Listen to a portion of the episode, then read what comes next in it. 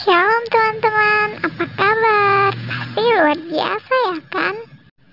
Wah, udah tahun baru aja nih sekarang. Nggak terasa kita udah meninggalkan tahun 2020. Dan sekarang kita berada di tahun 2021. Tahun baru pasti adanya semangat baru. Jadi, ayo kita mulai ibadah kita dengan semangat yang baru. Ayo teman-teman.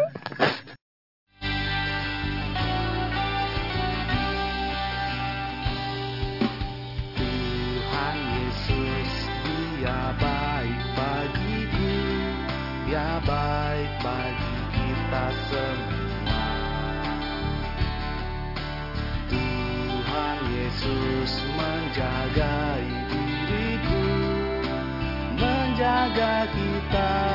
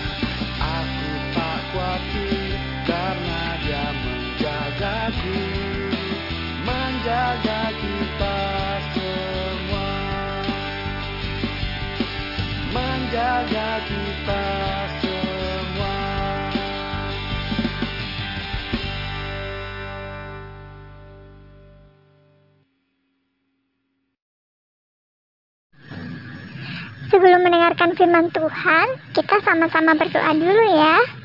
Mari tutup mata kita, kita berdoa. Tuhan Yesus yang baik, selamat pagi. Kami bersyukur pagi ini bisa bangun dengan badan yang sehat dan segar.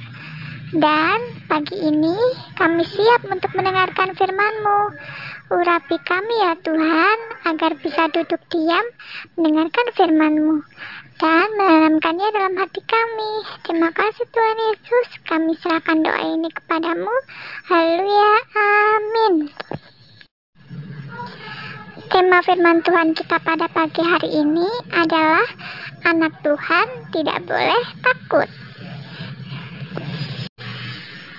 Ria mau nanya nih, siapa di sini yang masih takut pergi ke kamar mandi malam-malam sendirian? Atau takut kalau disuruh kumpulin ayat hafalan? Wah, lewat pujian tadi, kita diingatkan untuk tidak takut pada apa pun juga. Kita harus jadi anak yang berani. Lia ada contoh salah satu tokoh Alkitab yang berani nih. Namanya Yosua dan Kaleb. Yuk kita simak cerita keberanian Yosua di bilangan 13 ayat 25 sampai 33. Lia akan bacakan ringkasannya saja ya. Judulnya ke-12 Pengintai. Pada saat Tuhan menjanjikan tanah perjanjian kepada umat pilihannya, Tuhan memberi perintah kepada Nabi Musa untuk mengirim 12 orang utusan pengintai untuk mengintai keadaan tanah perjanjian tersebut. Menyelidiki bagaimana penduduknya dan apa saja yang mereka lakukan. Dari kedua belas pengintai, ada dua orang yang bernama Yosua dan Kaleb. Saat mengintai, Yosua dan Kaleb melihat bahwa negeri ini sangat kaya akan buah-buahan, madu, dan juga susu. Mereka terkagum dengan negeri yang akan Tuhan janjikan itu. Tapi tiba-tiba ada pengintai lain datang mampiri mereka. Pengintai lain itu tampak ketakutan karena mereka melihat penduduk negeri Kanaan. Mereka mengatakan kepada Yosua dan Kaleb untuk mundur saja karena mereka takut dengan penduduk. Teman-teman, tahukah kalian seperti apa orang-orang yang tinggal di Kanaan itu? Kenapa mereka sampai ketakutan seperti itu? Wah, ternyata orang-orang Kanaan itu adalah orang-orang raksasa. Mereka orang-orang berbadan besar dengan tinggi hampir 2 meter. Tuhan memberikan Kanaan untuk bangsa Israel dan berjanji akan memberi kemenangan pada mereka saat melawan bangsa raksasa tadi. Tapi apa ya yang terjadi? Sepuluh orang pengintai, selain Yosua dan Kaleb tadi, mereka menjadi takut ketika melihat orang Kanaan yang besar. Mereka lupa bahwa Allah jauh lebih besar dari orang Kanaan. Tapi coba kita lihat, Yosua dan Kaleb, mereka tetap berani karena mereka punya iman.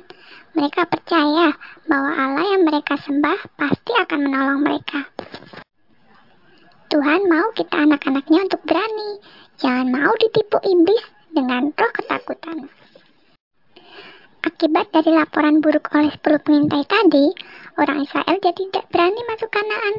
Apakah akibat dari ketakutan tadi? Akibatnya, mereka tidak bisa menerima janji Allah untuk mereka. Akhirnya, hanya tersisa Yosua dan Kaleb dan orang-orang yang berumur di bawah 20 tahun yang boleh masuk Kanaan. Terus yang lainnya ke mana dong? Yang lainnya, mereka tidak boleh masuk Kanaan karena mereka tidak percaya sama Tuhan Yesus. Ingat, kalau teman-teman takut, artinya teman-teman kurang percaya pada Tuhan Yesus. Itu dosa loh teman-teman. Kita harus takut dan hormat hanya kepada Tuhan saja. Kalau kepada iblis dan hal-hal seram yang lain, kita tidak boleh takut. Jadi, mari Lia ajak kita untuk sama-sama minta sama Tuhan Yesus agar diberikan keberanian untuk berdoa, untuk bersaksi, untuk menceritakan tentang Tuhan Yesus. Jangan takut, karena roh kudus yang ada dalam kita lebih besar dari roh atau penguasa di udara atau apa pun itu. Kalau kita berani, Tuhan Yesus akan pakai kita dengan luar biasa. Amin. Firman ini akan dia tutup dengan ayat hafalan di 1 Yohanes 4 ayat 18a. Dia akan bacakan ya. Dalam kasih tidak ada ketakutan. Kasih yang sempurna melenyapkan ketakutan. Jadi, tahun 2021 kita tidak boleh takut lagi ya teman-teman. Kita harus jadi anak-anak yang berani. Mari kita tutup ibadah kita dengan berdoa. Tuhan Yesus yang baik, ampuni saya kalau saya masih takut terhadap hal-hal seram. Tuhan Yesus, mulai hari ini saya percaya bahwa Tuhan Yesus yang selalu menjaga dan menyertai hidup saya. Berikan saya keberanian untuk memperlihatkan namamu di dalam nama Tuhan Yesus Kristus. Kami sudah berdoa. Haleluya. Amin. Terima kasih teman-teman. Tuhan Yesus memberkati. Selamat tahun baru 2021.